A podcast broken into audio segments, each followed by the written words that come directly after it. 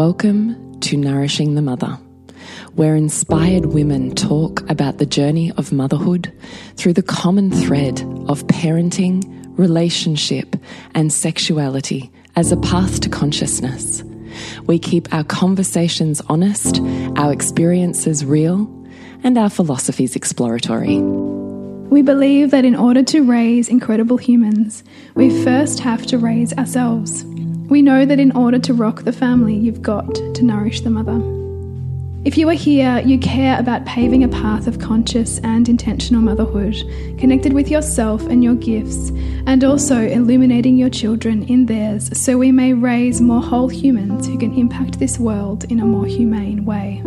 If you desire to integrate this learning practically and supportively into your life, then Soul Driven Motherhood is your space to go deeper head on over to nourishingthemother.com.au or follow any of the links on our socials for Soul Driven Motherhood.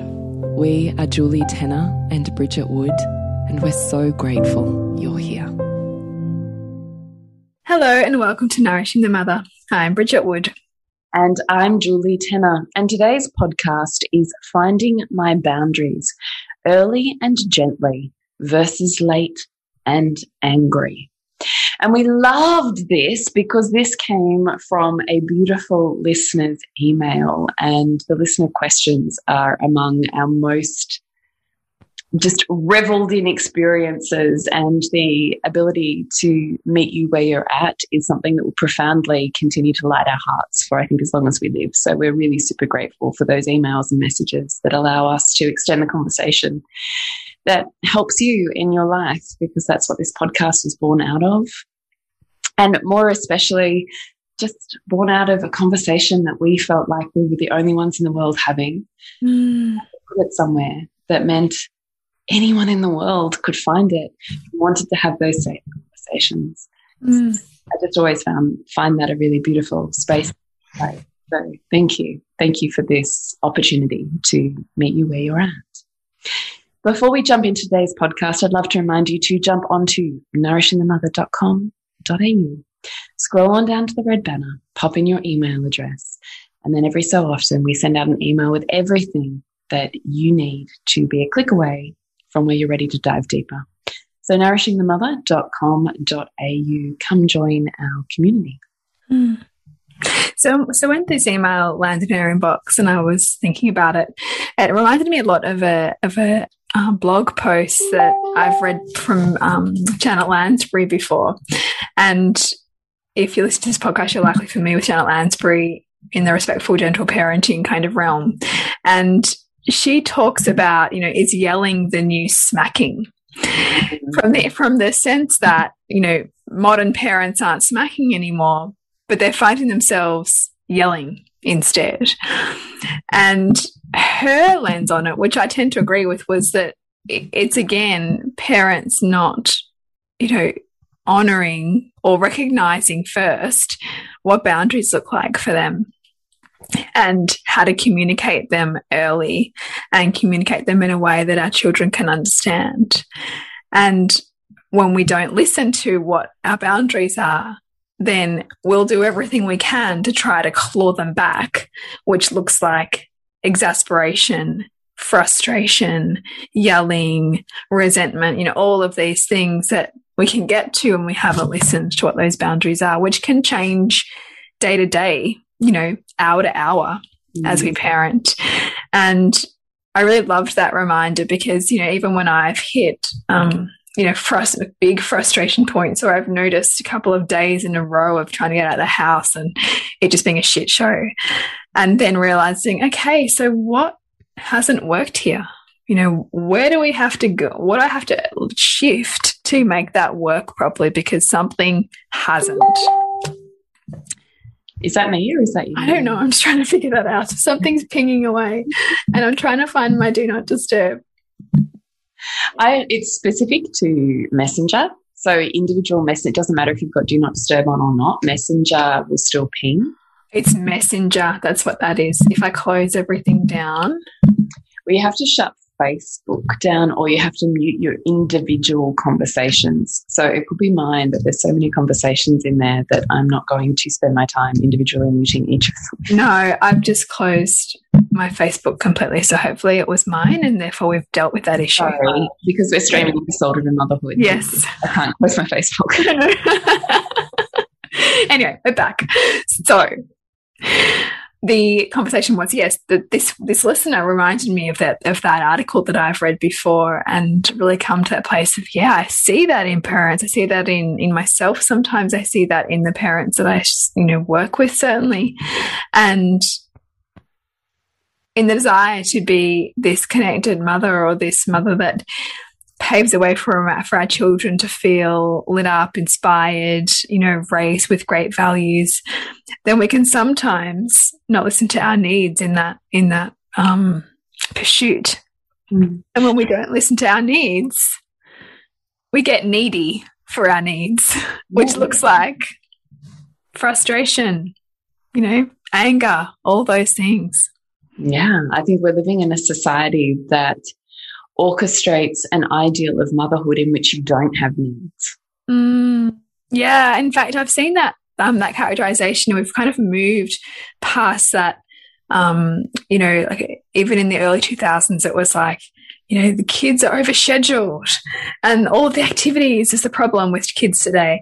But it's almost moved into this intensive mothering, you know, is, is held up as like the pinnacle of of your achievement if you can just be intensive and on to everything all the time and have all your ducks in a row and and then if you fall short of that well then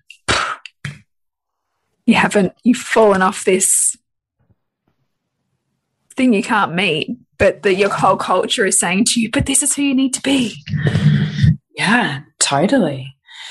So I think first off, we just really want to let this listener know that you are not alone and that this is, I think, every woman's experience, whether she will say it out loud to you or not. I do think that this is something that all of us will hit potentially multiple, multiple times in our motherhood journey. Because the truth is, boundaries, I think we have this idea that if I just got my boundaries right, mm. if I just put them in place and there were these cemented brick walls, that then I'd be fine. Mm. But that is such an untruth. And I wish to let you off of the, I don't know, bandwagon that, a, that, a, illusory path. yeah, that, that boundaries are anything that's solid. Boundaries are entirely flexible mm. and movable. They're more like a shoreline than they are a brick wall of a castle. Mm. So boundaries, your boundaries, your understanding of your boundaries, your understanding of your needs you will continuously be in change mm. because you are not a static human. The way that you see the world will continuously shift and therefore and ages and stages of your children and your own ages and stages of life. All of these things put in this delicious you know, meeting point of all of the different oceans, and there's different borders and boundaries that meet at those places. Mm.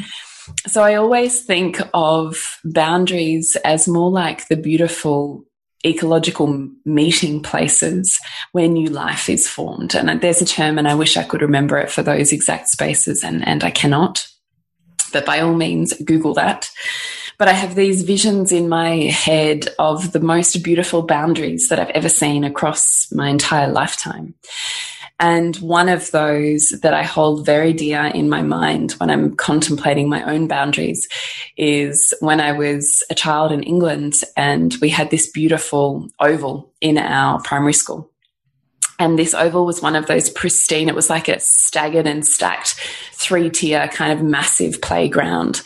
And so at the very top was the oval and it was the most pristine, beautiful, lush green, English countryside grass that you can possibly imagine. And then fringing the entire skirt of that round oval or play space was an English forest.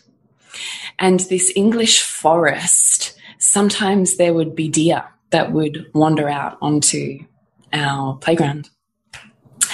And there were trees of the most glorious installation that would have nuts that we would turn into a ball game and throw at each other, or chestnuts that we would pick and take home to roast. And new life and, and all of these beautiful burgeoning forest animals that you could sit there and just delight in. And I often, in my mind's eye, put myself in exactly that fairy tale, boundaried grassland and forest edge because it's the meeting of the two where the greatest magic happens. Mm. There's the me in the oval, and there's the me in the forest, and there's the meeting of all of us in the middle. And that's more what a boundary is mm. than any type of walled, concreted, bricked, solid fortress. Yeah. So think of the most beautiful and meaningful landscapes for you. The edge of a river that, that opens into this beautiful wide mouth and meets the ocean. There's a boundary there. There's edges. There's new life. There's life that literally lives only in that meeting point of river and ocean. Mm. There's banks that are different. Like consider all of the ways that boundaries are in flux and all of the new life that begins there. And I find that more inspiring than defeating mm. because it means that as I'm moving and growing and changing and reevaluating and learning myself better, because we have this idea that we become adults and we just kind of know ourselves. And it is such folly because we are here to grow. And every single year we grow in new ways. Sometimes they're bigger leaps than others, but we're always growing. We're always finding out who we are and what we need and how we play and what best nourishes us now in this season of life, which may not be the case in the next season of life. You need something completely different when you're pregnant to what you need when you're a mum of a teenager. So you are always going to be discovering yourself and what is most deeply nourishing and sustaining for you and nourishing and sustaining for your family and its ecology and the merging of the boundaries of all of those things together get to be something that's a beautiful tango more than it's a violation or um, an acquiescing so I would love for you just to contemplate those words in terms of knowing that you never kind of just nail your boundaries. Mm-hmm. There isn't this mm-hmm. point at which you arrive and you're boundaried. I see or, I mean, it's a practice. Right. It's a practice, and and some days you'll be really well, a little bit like some days you're really attuned to your child and you can sense everything in them and, and you just, you feel like you can pick up the way that their eyes kind of divert. And then you're like, oh, there's something there. And then other days you might miss it, right? Just like some days you can be really attuned to your own needs moment to moment. And so you'll sense that point at which you're about to lose yourself. And then other days you won't be so attuned to yourself. And it will only be when you find yourself well past where your boundary would have been had you been attuned that you then go, Oh, I missed that. Mm. We missed that. You know, like we didn't you know tune into that ecology and the shifting environment here like the shifting sands of my needs and your needs and the whole here. And so we kind of need to look at that again. And i love that that that permission to see it not as this boundaried versus unboundaried binary thing that's going on because it's not that black and white. No exactly. Exactly. That's what i really want to like hone home to your heart is you're not unboundaried. You have boundaries and you're learning your boundaries. Mm. And you get to change your boundaries as you change and your children change and you learn each other more deeply and you learn what you need more deeply. And I do think that that's the grace of age, hopefully, is that you're growing in such a way that you learn yourself with a greater clarity and a greater depth. And therefore you're able to attune to what you need with a greater depth Mm. And unfortunately, when you're younger, you're really defined more by an external world than potentially what you are as you age and you, you know, that power moves further and further inwards. So my point is in motherhood, is I don't want you to assume that because your boundaries got overridden that it means you're unboundaried or that because your boundaries worked yesterday and they didn't work today, that that means there's something wrong or your boundaries aren't right. Mm. It's more about having a gentle, compassionate heart and a sense of grace in understanding the play that is happening here, the movement and the growth and taking more of, as Bridget opened this conversation with, a bird's eye view or a stock take or a reconciliation of what is working and what is not right now. Mm -hmm. And I'm probably going to need to do that reconciliation or stock take every three months mm -hmm. because that's how much and how fast, particularly in motherhood, I'm changing and my children are changing. Mm. Like really every three months, your values may change. The way you see the world and the perceptions you have will change. Mm. How you know yourself and your children will change. Every three, it is an accelerated growth pathway. Mm -hmm. So every three months, you probably need to be doing a reconciliation about, ah, okay, where are we at here? Where am I at? Where are they at? What's working? What's not? And if I know the things that are not working, it allows an enormous freedom to put in place structures and understandings of new boundaries mm. that are deeply respectful to both of us. And that can become an outward conversation rather than assumed knowledge or a continuous fighting at the edge of my boundary because no one's particularly clear on what it is. It can change and you can be clear they're not separate things. Yeah, yeah.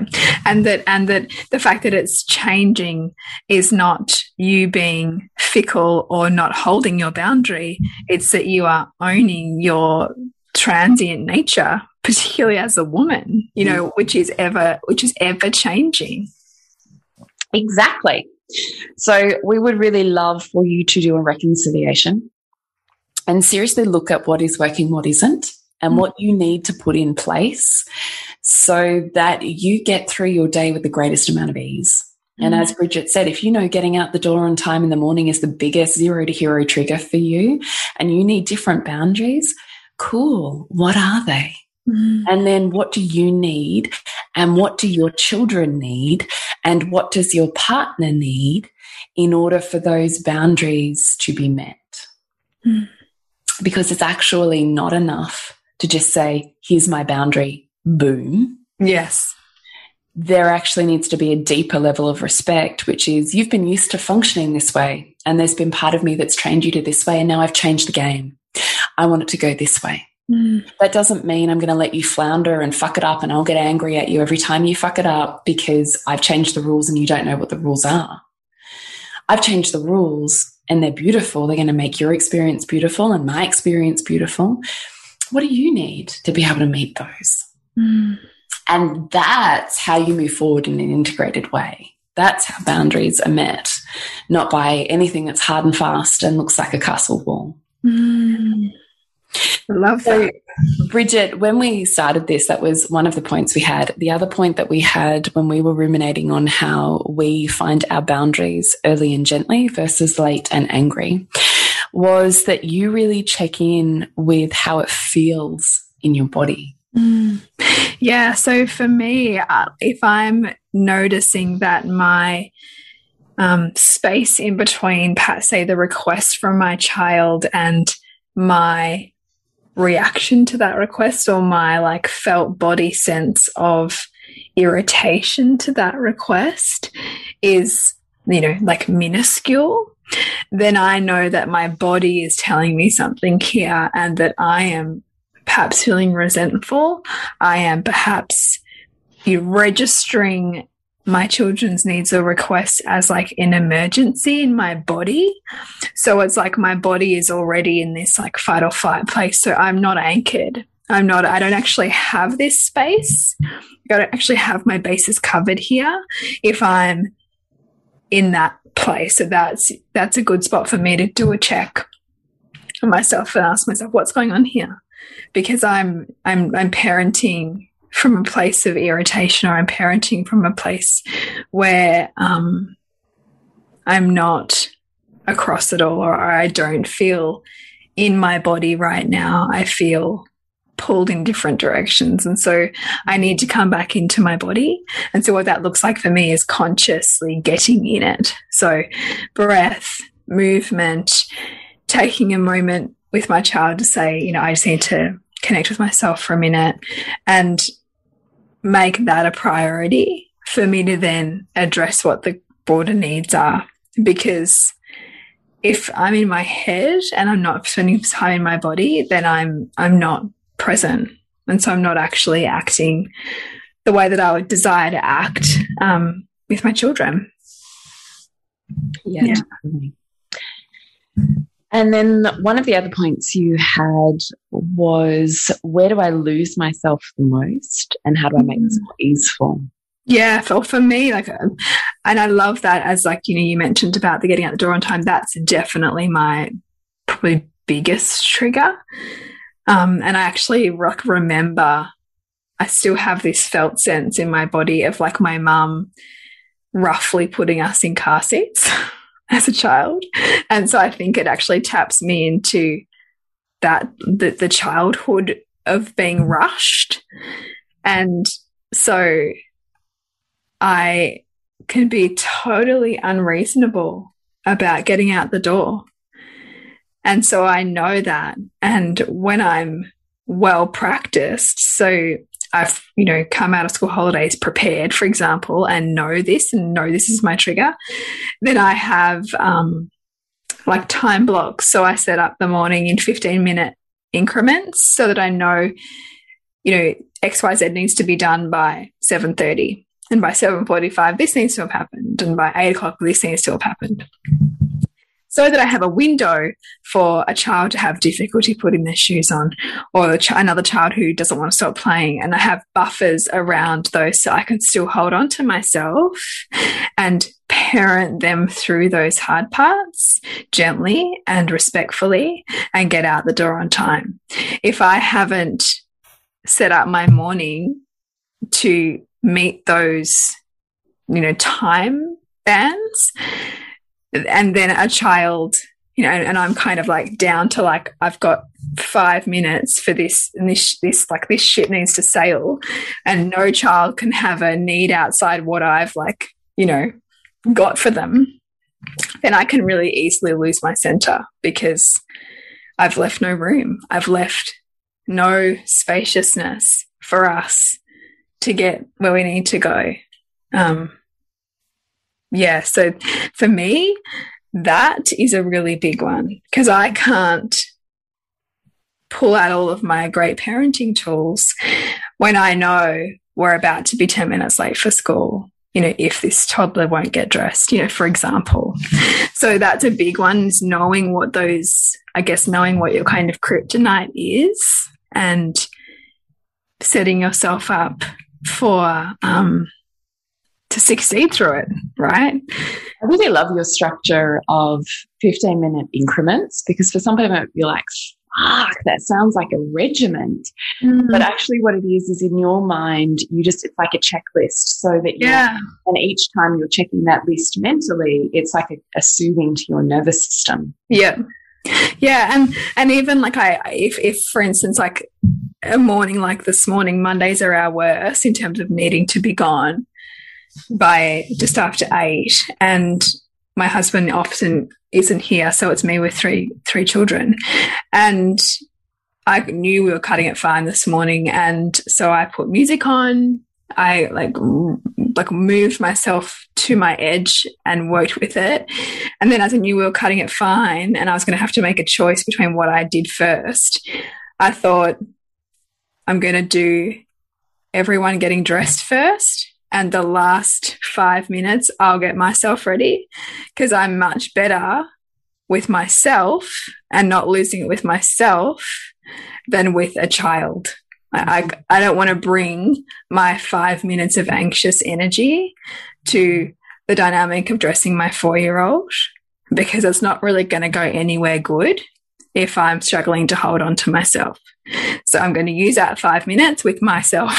So I, I also make I also make those on the on the hop like decisions as I know, you know, I'm about to hit my kryptonite, you know? I actually just think that's so wise. I hadn't ever extracted that out into such succinct thinking, but now that you've said it, I'm like, it's freaking genius. It just came to me this morning as I was like making that like way up in my head of what am I going to do next, and it was like I, am going to do these things first, and then save myself for last, which you know kind of flips on its head that whole thing of putting your oxygen mask on first, but actually that was putting my oxygen mask on first was being in the service first and getting all of so that I knew that all they had to do was put shoes on and would be in the car versus me being 100% ready and then having Sylvie not want to get not not want to stop playing Lego and then you know you can know where it can go from there. Mm, I think super wise. Yeah. The last point that I want to leave you with before we wrap up today is a little bit of a whippy one because, you know, what is a conversation with me without a little tiny bit of the crone energy? A whippy one? Oh, yeah, okay, sure. Which is this no one, including your children, takes advantage of you unless you let them. Mm. Yeah. There's been many a conversation that I have had in my own head and that I have projectile vomited out onto whoever will listen to my, you know, outrage at Your tirade. injustice of all of these people that just take, take, take and, you know, and they don't even consider and they don't value and they don't appreciate and, you know, all of the verbal diarrhea that comes with that. But the truth is, they're not doing or taking anything more than I let them. Mm. So, really, is it the fault of my friend or my family member for doing those things to me? Or is it the fact that I didn't say you can't? Mm. No. That's the boundary. Mm. I can't. Sorry, no. So that's been a really interesting lesson for me to watch, and one that um, certainly follows a family narrative for me for many, many years, and one that I still find myself preaching to my own mother, which is do it because you really want to, and you, there's a love that comes with that, or don't do it. Mm. Don't do it and then be shitty and angry and resentful to everyone else about the fact that you're doing the thing that you chose to do. Yeah. So be a, be a full bodied yes or be a no. Right. Yeah. No one takes advantage of you any more than you let them.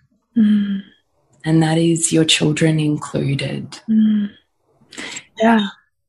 So that's my tiny little please just self check any projections that you have mm. because whenever we're doing a you, we need to be considering an I. Mm. Yeah, so if you just switched out the you don't ever to I don't ever, you know, to actually just yeah. flip it around, like turn it around and see how it feels and sounds in your body. Yes. So that is our finding your boundaries early and gently versus late and angry. And we really hope that there is some story medicine in there for you. We would love to hear if there is. So please let us know via socials or Nourishing the Mother on Instagram or Facebook, via our website, nourishingthemother.com.au, and email connect at nourishingthemother.com.au. We would love to hear how it has influenced or rippled out for you, insights or openings that you've had, and if you yourself have a podcast topic mm. request. Yes, please send them through. We love it. And connect with you, Jules. Is julietenner.love. And you, Bridge? bridgetwood.life. And we will see you next week when we continue to peel back the layers on your mothering journey. You just hijacked. I just totally hijacked Hang on. What's mine. Do you Remember, want to say it that way? I know, you I totally can. No, I don't. I think so. Just break the rules. So hang on. So I say, remember to nourish the woman to rock. How about I say that? remember to nourish the woman to rock the family. And we'll see you next week when we continue to peel back the layers on your mothering journey. Thank you so much for listening. We literally couldn't do this without you. Please share this podcast with anyone you think it would be medicine for. And if you're ready to ask, in what ways can I show up more fully, live more meaningfully, parent more wholly, and love more unconditionally? How can I mine the wisdom from the experiences of my life and expand into those challenges? Then you're a soul driven, heart led mama who's ready for conversations and a community that supports her journey. Come join Soul Driven Motherhood. We'd love to have you. And if you feel like giving back a little to this free content, please rate us on iTunes or Facebook, all of which helps the podcast reach more mamas who need this type of tonic for the soul.